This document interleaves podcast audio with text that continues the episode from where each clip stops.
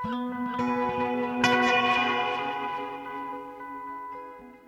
og sæl, kæra lustendur, við sjá dagsins býður upp á nýja blötu sólegar, ljósmyndir Jóns Kaldals að verkum Muggs og sérstöðupunktin.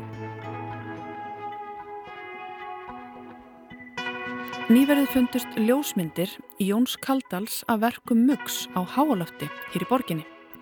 Muggur lest árið 1924 og nokkrum árum síðar hóf góðvinnur hans í Kaupmannahöfn, Pól Uttenrættir, að gera bókumugg og var Jón Kaldal fenginn til að taka ljósmyndir af verkunum.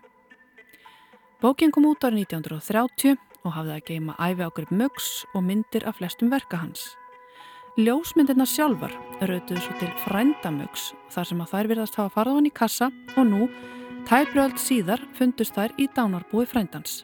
Og þaðan rautuðu ljósmyndirnar til Sveins Þórhalssonar listaverkasala sem ætlar að sína myndirnar um næstu helgi Við heimsækjum Svein í galleri hans við fjölnisveg hér á eftir og fáum að heyra betur af þessum ljósmyndum Jóns Kaldals. Snorri Rafn Halsson, dagskrágerðamæður og tekstasmiður í Vínaborg heldur áfram pislaruð sinnu um möguleika og ómöguleika tækninar. Í pisli dagsins beinir Snorri sjónum sínum að sérstöðupunktinum því augnabliki þegar tæknin tekur fram úr okkur og við missum stjórnina. Og við heyrum í tónlistarkonunni Sóleju Stefánsdóttur hér á eftir en hún er nýkomin heim af tónleikaferðalagi um Breitland og meginland Evrópu þar sem hún kynnti nýjustu blötu sína. Mother Melancholia er fjóruða breyðskifa sólegar en innblástur hennar er fjöldasjálfsmorð mannkynns og tortiming lífs af völdum kapitalisma og eitraðrar karlmennsku. Sóleil leitar jáfnframt á nýjarslóðir í hljóðheimiblötunar þar sem að hún leikur sér að bjöguðu og ópitsuðu hljóði sem skapa fagufræðileg óþægjandi en terimín, analógsindar og mellotrón eru meðal þeirra hljóðfæra sem að koma við sögu. Platan myndar heilst eftir verk þar sem að jörðin í eins konar kvengerfi er í aðalutverki. Við heyrum betur á þessu verki hér undir lok þáttar. En við byrjum þáttinn í þingkoltunum í Reykjavík.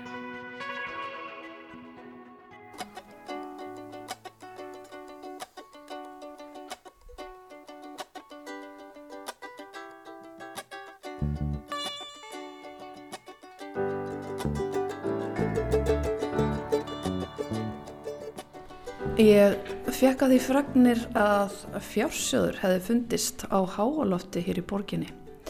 Fjársjóðurinn er hluti af dánarbúi og tengist tveimur listamönnum síðustu aldar. Annar þeirra er Jón Kaldal, ljósmyndari og hinn Guðmundur Torstensson, betur þekktur sem muggur. Um er að ræða ljósmyndir Kaldals af verku muggs en þær fundust í dánarbúi Sverris Skeving Torstenssonar sem var frændi Mugs.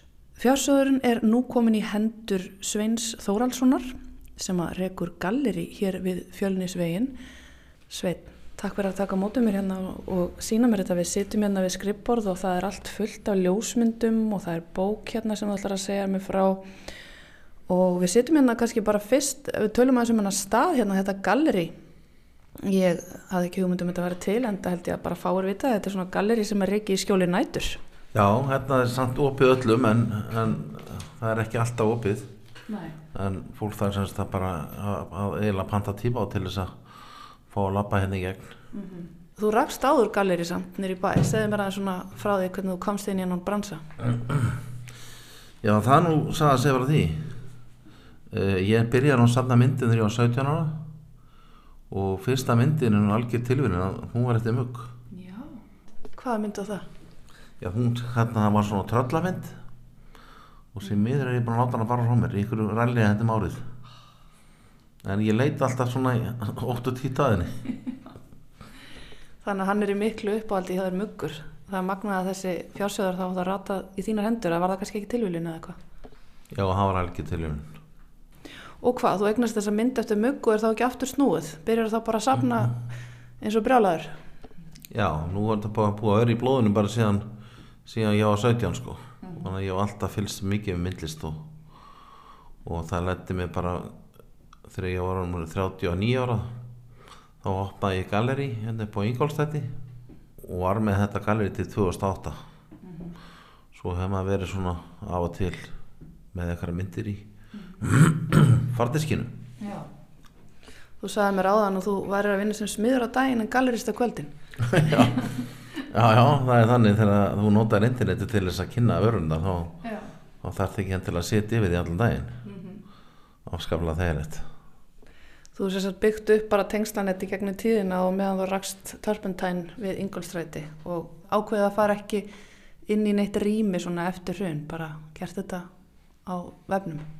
Já, ég reyndi að byrja því hérna upp á skólaversti aftur og svo fann ég það bara hljótlega að það, þetta var reyna bara komið á netið og, og líka dýrt að vera með húsnæði upp á skólaversti, þau getur verið með eins og hérna flotta íbúðið miðbænum og hortið hérna eldgósi út um glugga hérna og, og hinn áttuna er Hallgrímskirkja og það gerist ekki betra sko.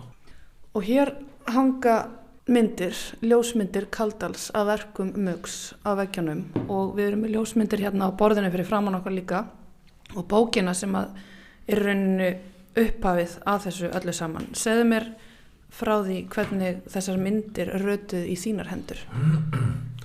Já, það var nú þannig að ég náttúrulega þekki ansi marga sem er að vinna í kringum myndlist en það leitaði tími maður sem að hafi keift þetta úr dánabúi og ég eiginlega leta hann ekki fyrir því þegar hann búin að selja mér þetta. Það tók hann þetta held tíu dag og svo fór ég nú bara fyrst að skoða myndina ég fekk hann í hendnar og ég bara fekk örar í hjarsla sko þegar ég sá þetta sko. Var, þetta er náttúrulega alveg svakalega myndir sko. Og er ég nú mikill aðdáðan til líka Jón Skaldals og hef kift nokkra myndir eftir hann í gegnum tíðina. En það er ég vil bara svona litla passamyndir en núna er ég bara, bara hérna, með 60 myndir okkur og hérna það er einhvern brótilegt Já, það er magnað að sitja hérna með þetta í höndunum. Og þetta er bara búið að liggja í kassa upp á okkur hálafti og enginn vitað af þessu í 20 ára. já, já, En upphafið að þessu, þessu, þessari myndatöku er þessi bók hérna sem við erum að horfa á. Og segja mér náttúrulega frá því. Af hverju þessar myndir voru teknar. já sko minn, bæk, bókin er eftir Pól Útenrættir og hann var mikill vinur múks og hann ákvar henni bara að gera þessa bók til minningar um vinsinn og þetta er sem sagt verkefni fyrir að stað sko 1926 og bókin kemur svo út fjórum árum síðar. Mugur deyr sko 1924 þannig að þetta er svona reynir bara hann svona síðast sem hann gæti gert fyrir vinsinn að, að koma þessum myndum í bók. Og ég veit rauninu voða lítið hvernig hann kemur að þessu hann, Jón Kaldan nema hann er bara minnst í bókinu hann hefur verið beðin um að taka all flesta myndirnar. Og hér eru við bara að horfa þetta á mjög frægar myndir hérna eins og til dæmis þessi hér. Sjöndu dagur í Paradís. Þetta er bara kjósalega ódöðlega mynd og við erum hérna með Altarastöflun og Bersastarkirkju og við erum með Sálunas Jónsminn seríuna hérna og bara má endalist telja sko Hér eru ykkur ævintýramyndir og kólatekningar. Það er alveg slatti af myndum hérna sem að til dæmis koma ekki fyrir á síningunni í listasafni sem nú stendur yfir. Það er mjög gaman að sjá þetta svona eftir að maður hefur einmitt séð þá síningu. Maður þekkir mörgu verkana hérna sem að eru einmitt þar. En þessi Pól, vinur hans, hefur hann þá bara fjárstýrt verkefninu frá Köpunhöfn? Já, það er góð spurning sko, er nú ég veit á að til síma þessum tíma hann hefur kannski hringt einhver síndul og, og kiftið eitthvað spotta sko en, en þetta verist allt gerast út í köpana því að setna er hún þýtti yfir íslenska bókin sko. Já. þannig að og hérna er náttúrulega ljósmyndir að mjög sem að hann hefur fengið vantala frá fóröldrum hans það sem er lítill strákur eftir sveit Bókin er með tilenguð móður mugs. En uh, hann er með tengdist Pól þess að hann átti ykkur verk eftir mug og þú veist að segja mér aðan að hann hefði verið að reyna að selja, selja þessa mynd hér, paradísamyndina. Já, já, hann hann gefur svo tal við Júlíunu Sveinsdóttir sem er semst frænka mugs og býður henni þessa mynd á 500 danska krónur. Án og gaman að vita hvað það er í daginn en hún segist nú ekki hafa efna því og hérna verður hann að afþakka það bóð eh, en setna, setna leitar hann til Gunnars Gunnarssons, reytjöfundar og byður hann einfallega um að kaupa verkið. En Gunnar hefur ekki áhuga því en hann vil kaupa af henni mynd.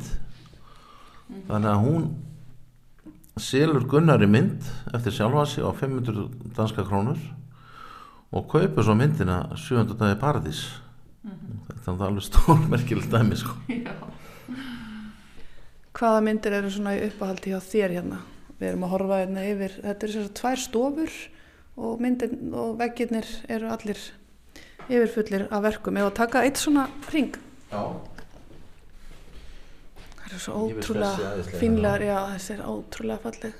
Þetta er móður og barn eða eitthvað svo les. Já, alltaf hefur ekki segja það já.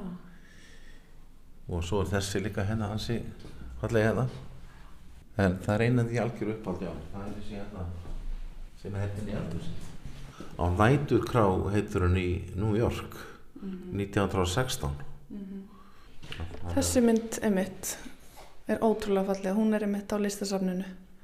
Hann var náttúrulega svo magnað hvað hann var viðförull á þessum tíma. Algjör heimsborgari. ótrúlegu bóhum sko Já. Það er bara, hann er búin að fara út um allt sko Hvert erum við nú að fara? Býttu nú við.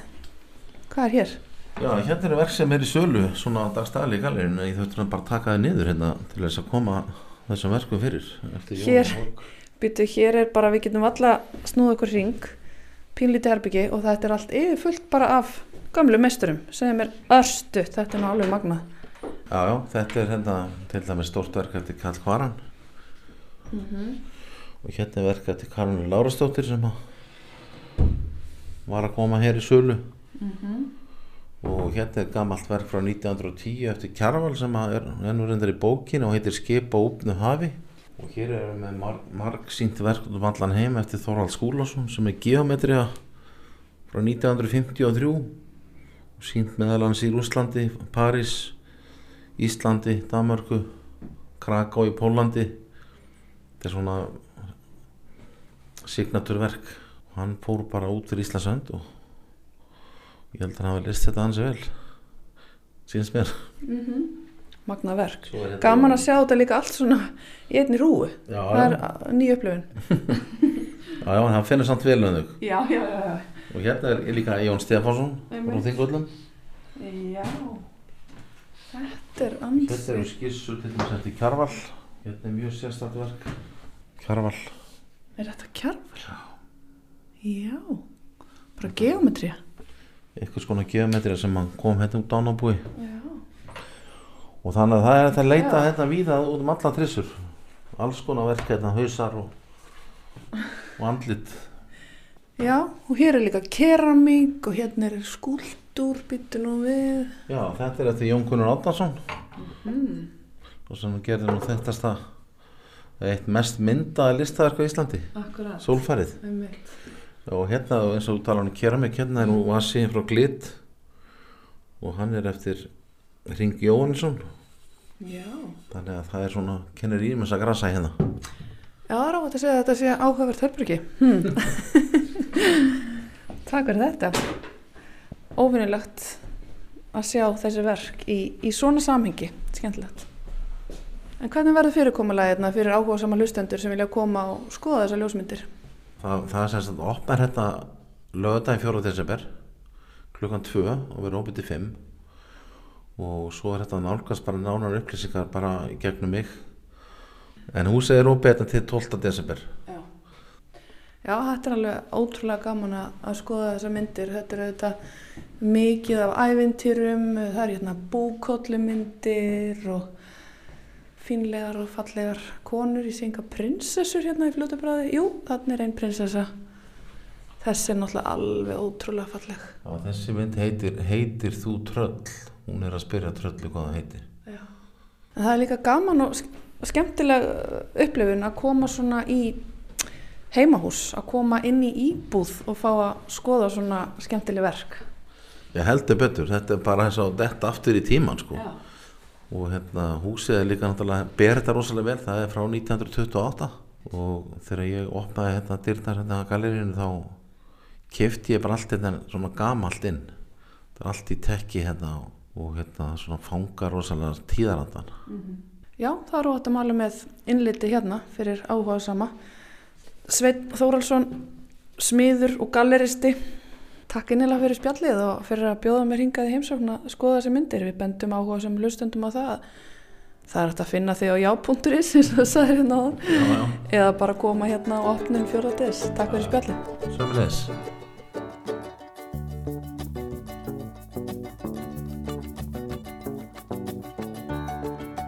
Sýning á ljósmyndum Jóns Kaldals að verku Muggs í Galleríi Sveins Þóraldssonar við Fjölnisveg 7 opnar klukkan 2 lögardaginn 4. desember. Og það er rétt að minna áhuga sama um verk Muggs á stórgóða yfirlitsýningu á verkum hans sem að stendur nú yfir í listasafni Íslands, alls ekki mis af henni. En úr þingoltunum förum við með snorrarafni halsinni, pislahöfundi á hugarflug um heim tækninar Í pisli dagsins beinir Snorri sjónum sínum að sérstöðupunktinum því augnabliki þegar tæknin tekur fram úr okkur og við missum stjórn.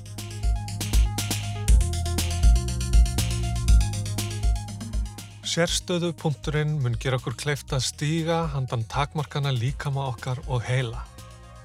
Við munum öðlast valda á örlögum okkar, við munum geta lifað eins lengi og við viljum. Við munum skilja hugsun mannsins til fulls og vika út umfang hennar til muna. Sérstöðu punkturinn mun standa fyrir hápunkt samruna okkar lífrænu hugsunar og tilvistar við teknina. Og útkoman verður veröld sem er enn mennsk en tegir sig handan okkar lífræðilegu róta. Það verða engar aðgreiningar eftir sérstöðu punktin, millið manns og velar, efnislegs veruleika og syndar veruleika. Ef þú veldir því fyrir þér hvað það er sem verður ótvírægt mennst í slíkum heimi, þá er það einfallega þessi eiginleiki. Okkar er svo tegund sem leytast í eðli sínu með að vika sitt efnislega og huglega umfang út fyrir núverandi takmarkanir.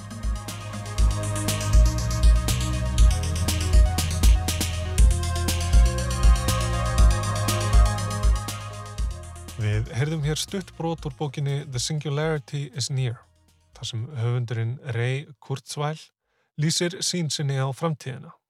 Þetta er framtíð sem er nærri að hans mati, líkt og titillin gefur til kynna. Framtíð þar sem við munum öll renna inn í hvort annað. Við og vélarnar verðum eitt, raunin og síndin heið sama. Tækninni mun flega fram á hraða í veldisvexti og þá sem fyrr mun máttur hennar og okkar vera samferða. Sérstöðupunkturinn eða the singularity er augnablikið þegar vöxtur tækninar fer úr böndunum og verður óaftur kræfur.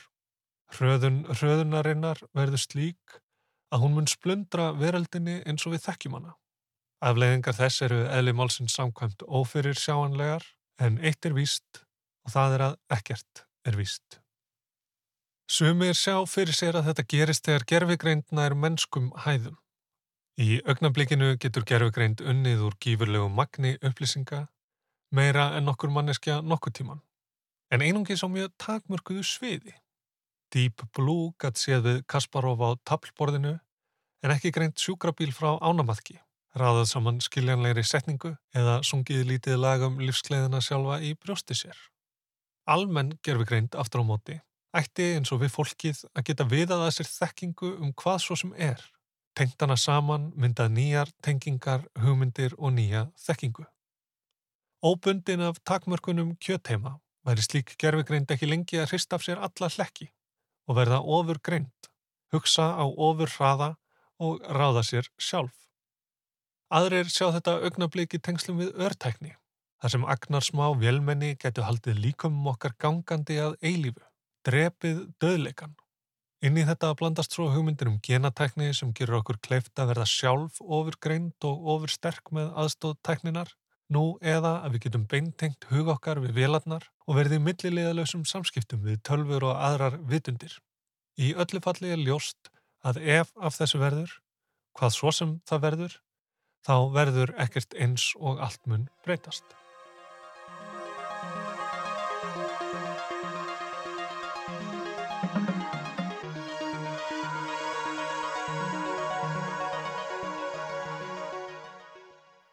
Hugmyndinum sérstöðupunta á rætur sínar að rekja til þeirrar starffræði og jafna sem eðlisfræðingar nota til að skilja og skilgreina heiminn.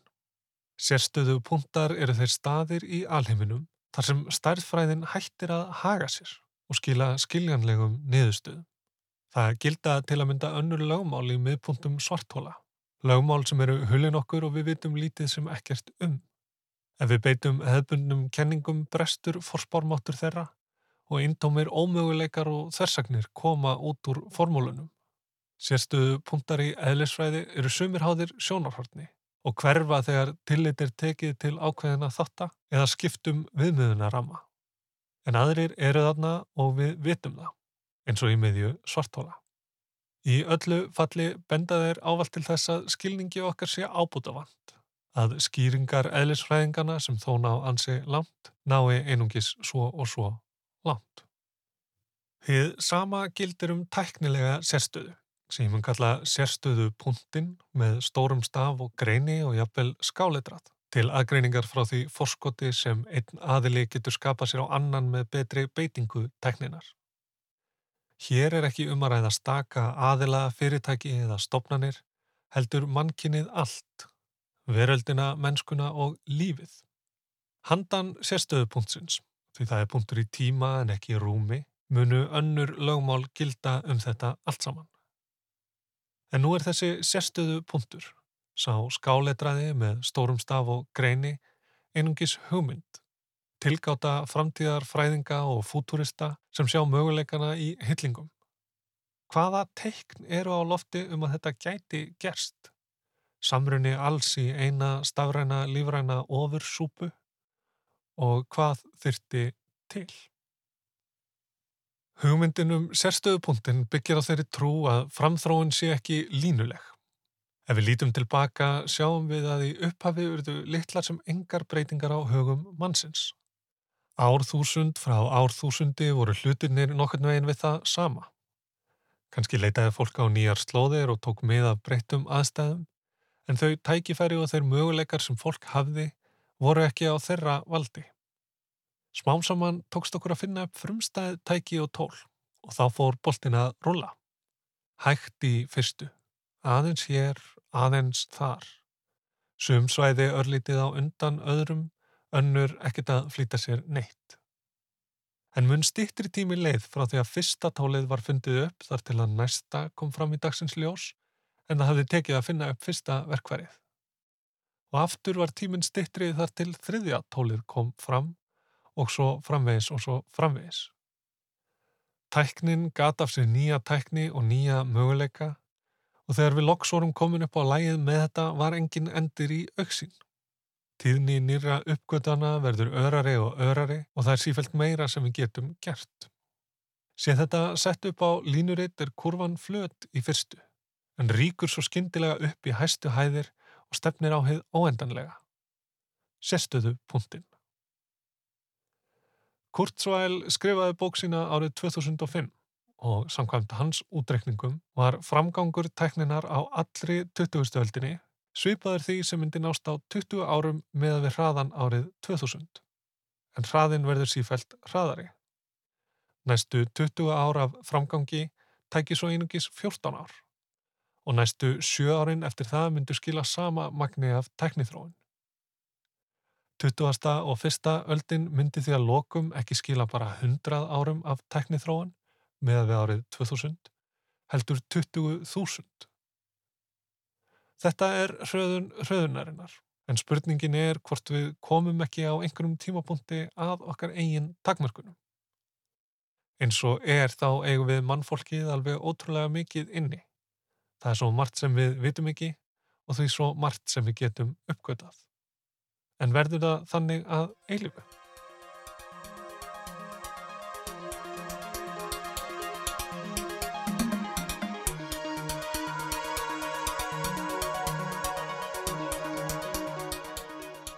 Algengasta kenningin um sérstöðupunktin gerir þó ekki ráð fyrir að þetta verði endilega mikil hindrun. Svo lengi sem við getum hrundið af stað keðjuverkun sem leiðir til greindar sprengingar. En erum það við mannskefnunnar sem búum yfir þeim hæfileikum og þekkingu sem þarf til að skapa tæknina, stýrenni og beinenni fram á veginn. En takist okkur að búa til vél, tölvu eða gerfegreind sem er færum að búa til ennþá betri vél, tölvu eða gerfugreind, sleppir þessu taki sem við ósó takmarkaða mannfólkið höfum enn á tækninni. Tæknin færi sína eigin leið og ofurvélinn sem skapar af sjálfstáðum enn fleiri ofurvélar er þið hinsta uppfinning mannkinsins. Svo vel er þið síðasta skrefið sem við þyrtum að taka. Kurzweil gerir ráð fyrir að hinn mennska kvöt til að sækja sífælt út fyrir eigin takmarkanir gæti lifað þetta af. En það er allt eins vist að hinsta uppfinning mannsins myndi leiða til hinsta manns Nietzsches. Við erum þreytt á lífinu og leitiðum einungis þæginda.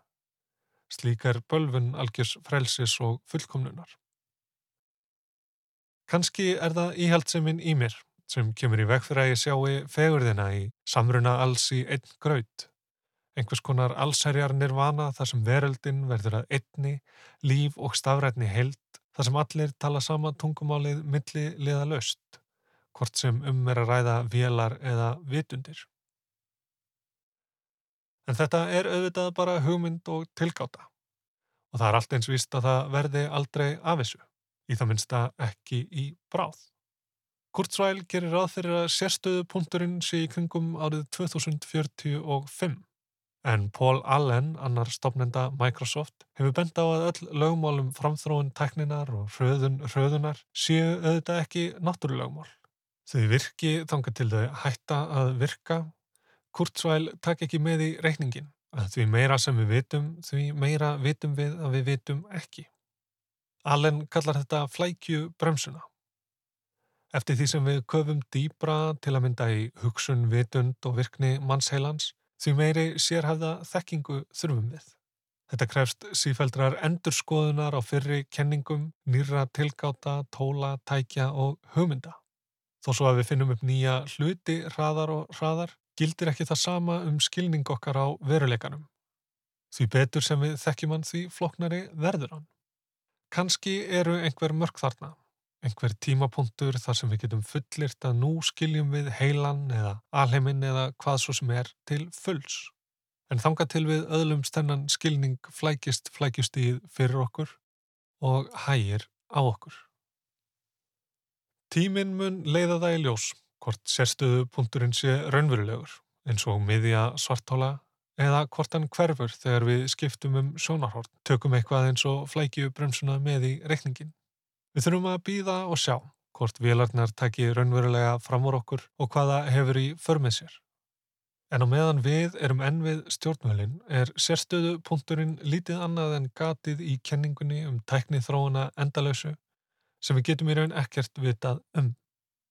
Þanga til höldum við bara áfram að vera mennsk eins og við þekkjum það með okkar gölluðu, döðlegu líkömmum, óskilvirku samskiptum, takmarkaða getu en óþrótandi drivkraft Já, auðvelt með að sjá fegurðina í því.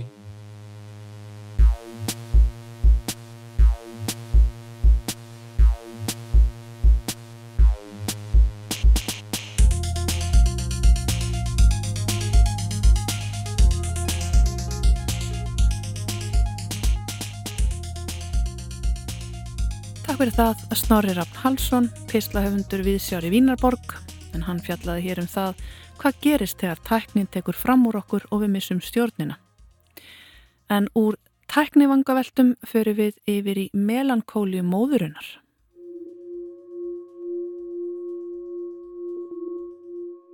Já, ég gerði þessa harmoníkplötu og móður melankólia var svona svolítið að fæðast í kringum það og þar sem ég langaði svolítið að skoða bara svona kannski, já, bara í rauninni popformið og hvernig, hvernig ég gæti svolítið svona ítti í alls konar áttir og bara þú veist hvar, hvar byrjar og hvar endar popformið, þú veist hvenar er tónlist poptónlist og hvenar er hún tilrauna tónlist og þarf það er það formið eða er það þú veist melodían eða er það produksjónin þú veist hvað hva er það þannig? Ég var bara svolítið að leika með það svona íta, hérna pota í sjálfa mig og pota í popformið líka sko þú veist um, Já, það er svolítið svona þannig sem að móður melankólia var, var til. Giving birth to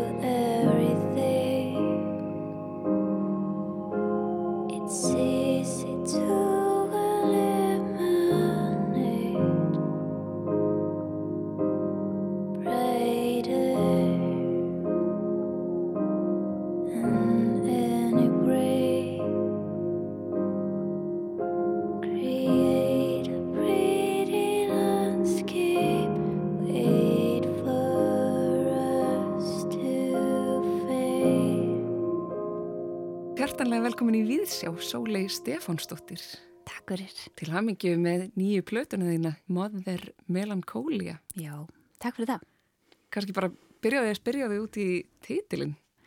Já, ummitt, ég veit aldrei hvernig ég á að byrja að tala um þessa plötu.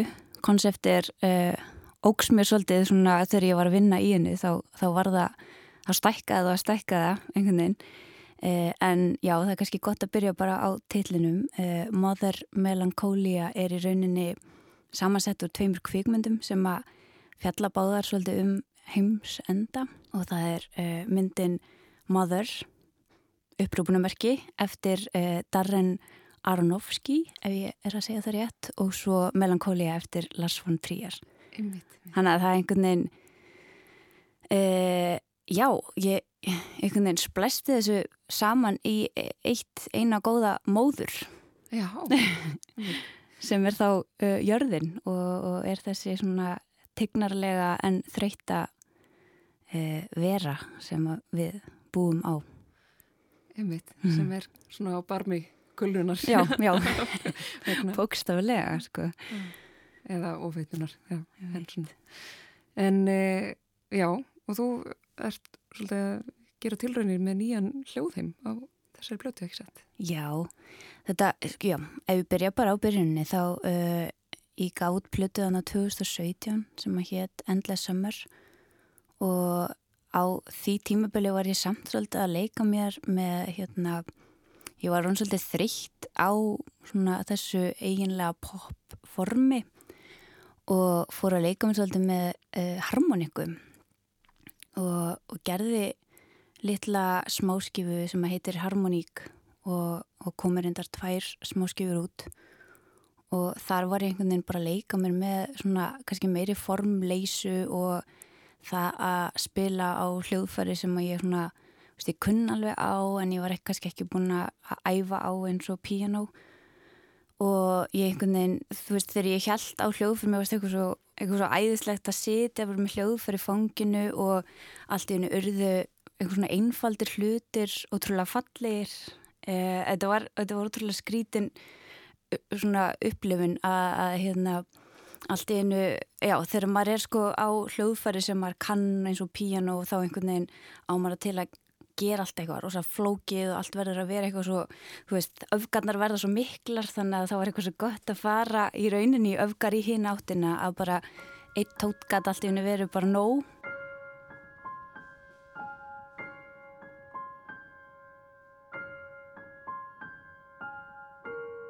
Albert Fimboðsson, hann mixaði. Já, hann mis- mixaði, eh, ég myndi svona segja að ég hafi pródúserað þessa plötu sjálf og ég tek allt, svona tek upp, veist, uh, all, öll, alla grunna kannski, við fórum í sundlegana, ég og Albert og tókum upp trommur og strengi. En ég alltaf okkur svona svolítið hörða því að, að ég sé að pródúsera mína tónlist en hins vegar Albert og, og líka híðin maður minn, þú veist, uh, Albert svona, ég myndi segja hann listrænt mixaði plötuna því að ég er heldur ekki að segja hann hafi bara mixað hana, þetta er allt voða á grái svæði hvað hver gerir. En ég vil auðvitað að fólk fái sko kredit fyrir það sem það gerir. En ég er alveg hörða því að ég hafi pródúserað þessa plötu og hann mixað hana og svona en algjörlega með komið fullt af hugmyndum og, og við diskuterum sko alls konar hluti og hérna þannig að það bara vera sko stundum sammála og stundum ósammála.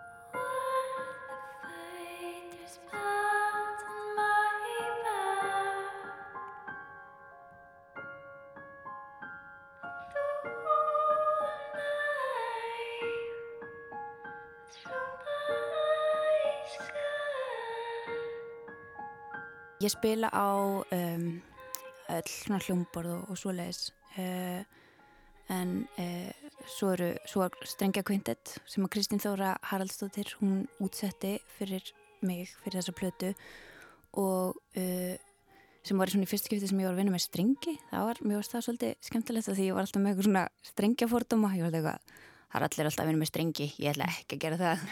Og svo var ég eitthvað, æ það getur kannski verið fallegt. Og svo var það bara ótrúlega fallegt og hún gerði svo, svo störlaðislega fallega hluti sko. ég var rosa mikið að vinna með á plötunni eitthvað, svona ófull ófullkomleika sko, þú veist að, að ég var rosa mikið að vinna með svona slæt og glissand og þú veist og alls konar þannig einhvern veginn uh, hljómar og tónar kannski hitta ekki alltaf alveg á rétta tónu, þú veist þetta var allt svona pínu bjagað af því að það var kannski svolítið svona eins og ég ímyndaði mér að endalógin væru, svolítið bjöguð, svolítið kátísk uh, en hérna þannig að hún var líka svolítið að vinna með það, mý, það mikið slæt á plötunum og mikið af strengjum sem eru í, þú veist, Júnisson í áttundum. Og hérna, og ég var líka að leika með, með þú veist, mín og eitthvað svona öll þessi hljóðfæri sem að svona ná einhvern veginn ekki þessi sem að piano gerir er, þú veist, þú bara spila sétur hljóm og hann er bara þú veist, í pitsi innan gæsalappa, mm -hmm. þannig að hérna mér fannst ótrúlega gaman að leika með þessi hljóðfæri, þessi mónotónsku hljóðfæri sem að svona einhvern veginn geta búið til eitthvað, eitthvað þú veist, nota þessa mikrótóna sem erum inn á milli, sko, þannig að það er einhvern veginn fullkomnaði þannig hljóðheim sem ég var að leita, leitast eftir. Akkurat, hér var kannski fullkomið að nefna lag þar sem þetta kemur skýrt fram. Skýrt fram, já, vá. Um, sko, í fyrsta læginu, Sunrise Skulls, þar gerði uh, Stína, Kristín Þóra, útsetningu, strengja útsetningu uh, sem að sem að ég vildi sem sagt að það er í rauninni, þú veist, jú, það er, það er alls konar slæti því og alls konar drón Uh, en ég vildi þess að, að þetta er svona þetta lag einhvern veginn svolítið tilengað um, konum að því að þessi plata er alveg að miklu leiti tilenguð hún er alveg svona háfeminísk há og, og, og algjörlega mjög pólitísk og alltaf og dramatísk og þú veist það er allt í gangi sko, en líka mikil húmor. En í, í þeirri útsetningu þá er hún í rauninni með tvær, tvær sveitir tvær, eða þú veist þær tóku upp sér satt tvöfalda uh, tvær útsetningar sem eru í smá stríði, þú veist, þetta átt að einhvern veginn að enda það að, þannig að þær, þær eru að spila á móti koranari í rauninni, einhvers konar hliðar sjálf koranar og sem endar því að það er einhvern veginn uh, falla allar niður í, á einn tón og það, þaðan tekur síðan hérna eitthvað massa trommusólófið, þetta er alveg þetta er fyrsta lægi á plötinu, það er næstu átta mínútur og ég hugsaði, oh, ég er ekki að ég er ekki að fara að sigra Spotify heiminn með þessu, þessu lægi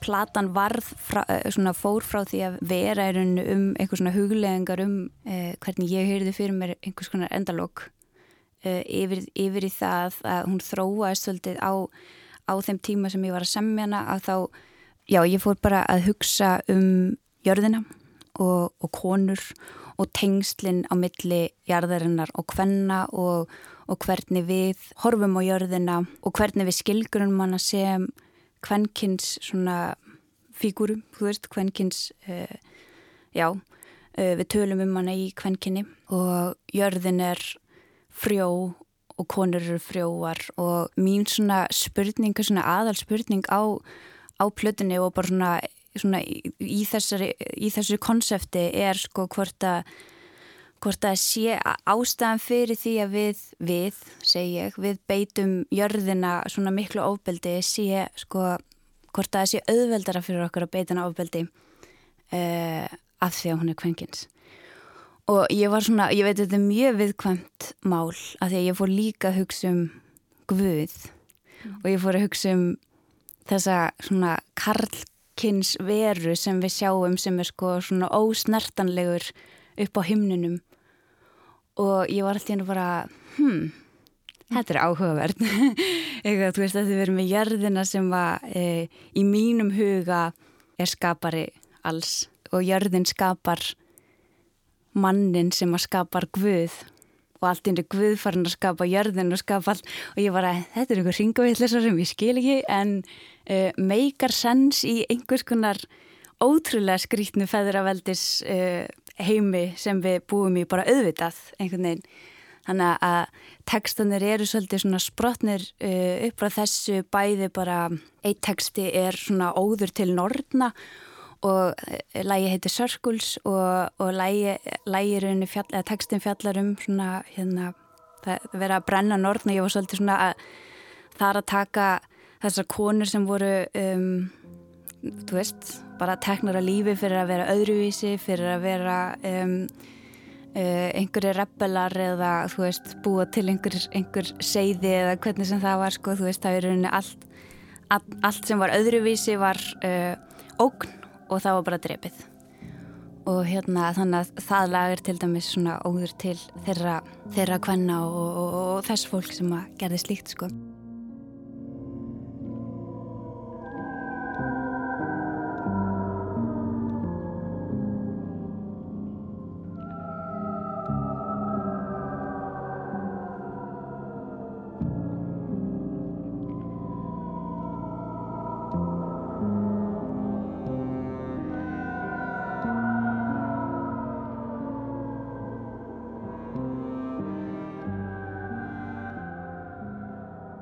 En svo er eins og lög eins og Desert sem að þar kemur það mjög stert fram í, þú veist, þar sem ég voru rosa mikið að vinna með þetta slætt, þú veist, upp og niður og allt í áttundum og eitthvað svo leiðis.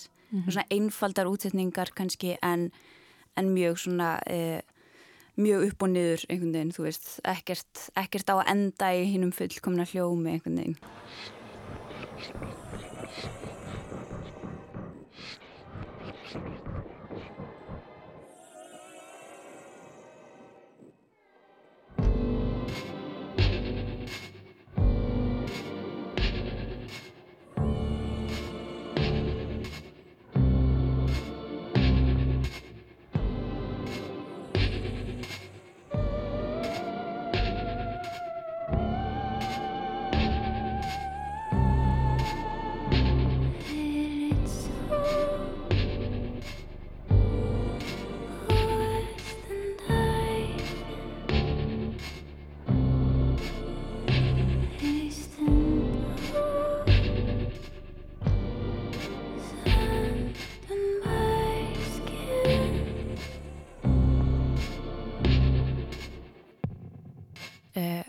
Fjalla svolítið um dóttu mína, þú veist, og, og þetta líka í rauninni tengi ég þetta líka bara, þú veist, jörðin og ég er móðir og þú veist, þetta varði allt bara svolítið svona, ég bara var stundu bara eitthvað, ég hef með allt og mikið efni en ég skil ekki neitt en ég skil samt einhvern veginn allt og ég var eitthvað, akkur sér fólk ekki hvernig þetta virkar? Þannig að hérna, desert fjallar um bara svona næstu kynslu og hvernig við ætlum að skilja þetta eftir. En, en þetta er allt mjög abstrakt og þetta er allt sko, ég, ég skrifa ekki bókstaflega, textunum minn eru enga með bókstaflegar og þeir eru sko þú veist, þeir eru í mjög miklu myndlíkingum og eitthvað svo leiðist þannig að í rauninni ég held að fólk myndi kannski ekki endilega átt að segja um hvað þeir eru nema ég myndi segja um það sko. Þannig að, mm. en það er líka, það er, veist, þannig ég vil ég skrifa, þú veist, ég, ég hef ekki beint áhuga að uh, vera með svona beina, beinan pólitískan áráður í minnu, minnu músík, það bara svona kemur uh, í einhvers konar ljóðrannu formi, þannig að, já. Akkurat, ég myndi að maður hlustar á plötuna, það var kannski tekstin meira svona eins og skraut ofan á heldur en endilega svona virkið undir. Já, já, algjörlega og þú veist og ég hef alltaf uh, þú veist, ég lærði tónsmeður og ég, þú veist, ég er ekki ég tel mig ekki vera söngkonu til dæmis. Þannig að þú veist ég, að, ég er bara tónlistar, eitthvað kona tónskáld, þú veist, sem að syng og, og hérna, og sem einhverja texta yfir, þannig að þú veist, þetta er einhvern veginn meira blandheldur en að ég sé kannski beinlinis í einhverjum einhverju massa frásögn sko að því að mér finnst líka frásögn alveg koma frá í músikinni og kannski líka svona bara hugmyndafræðinu bakvið plötuna og tónlistina einhvern veginn Einmitt. Hvað er gaman að nefna hönnununa? Hérna, Já. Ég sé hvort hérna klætt í klætt Ég mörd, fórt að það bara leiðinni klætt í, í mörds eða, eða varning Já. Hönnunin á plötunni Já uh, Hönnunin er uh, þetta er sem sagt uh, hannað og gert af einmanni mínum, hérni finnsinni og þú veist, það er rauninni sama, sama hugmyndafræði þar líka við Sunna Ben tók mynd af mér í kvítum klæðum. Og hérna og svo tók ég rauninni hérni myndina og krassaði í andletu mitt þannig að það er nú verið frekar svona ó, óskýrt að þetta sé ég og teikna á, á þessa veru kórunu og þetta er rauninni, þetta er jörðin sem að einhvern veginn svona rýs upp úr þessu kvíta landslægi sem að svona er í rauninni þessi, þetta efni sem við klættum mig í. Og, og hún er, hún er þreytt en yfir henni ríkir samt mikil svona tign og hún hérna, hún mun standa hún mun hérna, hvað segir maður hún mun lifa okkur af sko okkur mannfólki, það verður alveg það er alveg vist, hún bara hún þreytta okkur held ég. Hún er svona smá eins og, eins og afturganga eða Já, já, ég held, að, ég, held að, ég held að við værum öll þar ef að við værum þessi jörð sem við búum á. Akkurat. Við látum þetta að vera loka orðin. Takk kærlega fyrir komuna í Víðsjá, Sólei Stefansdóttir. Já, takk fyrir mig.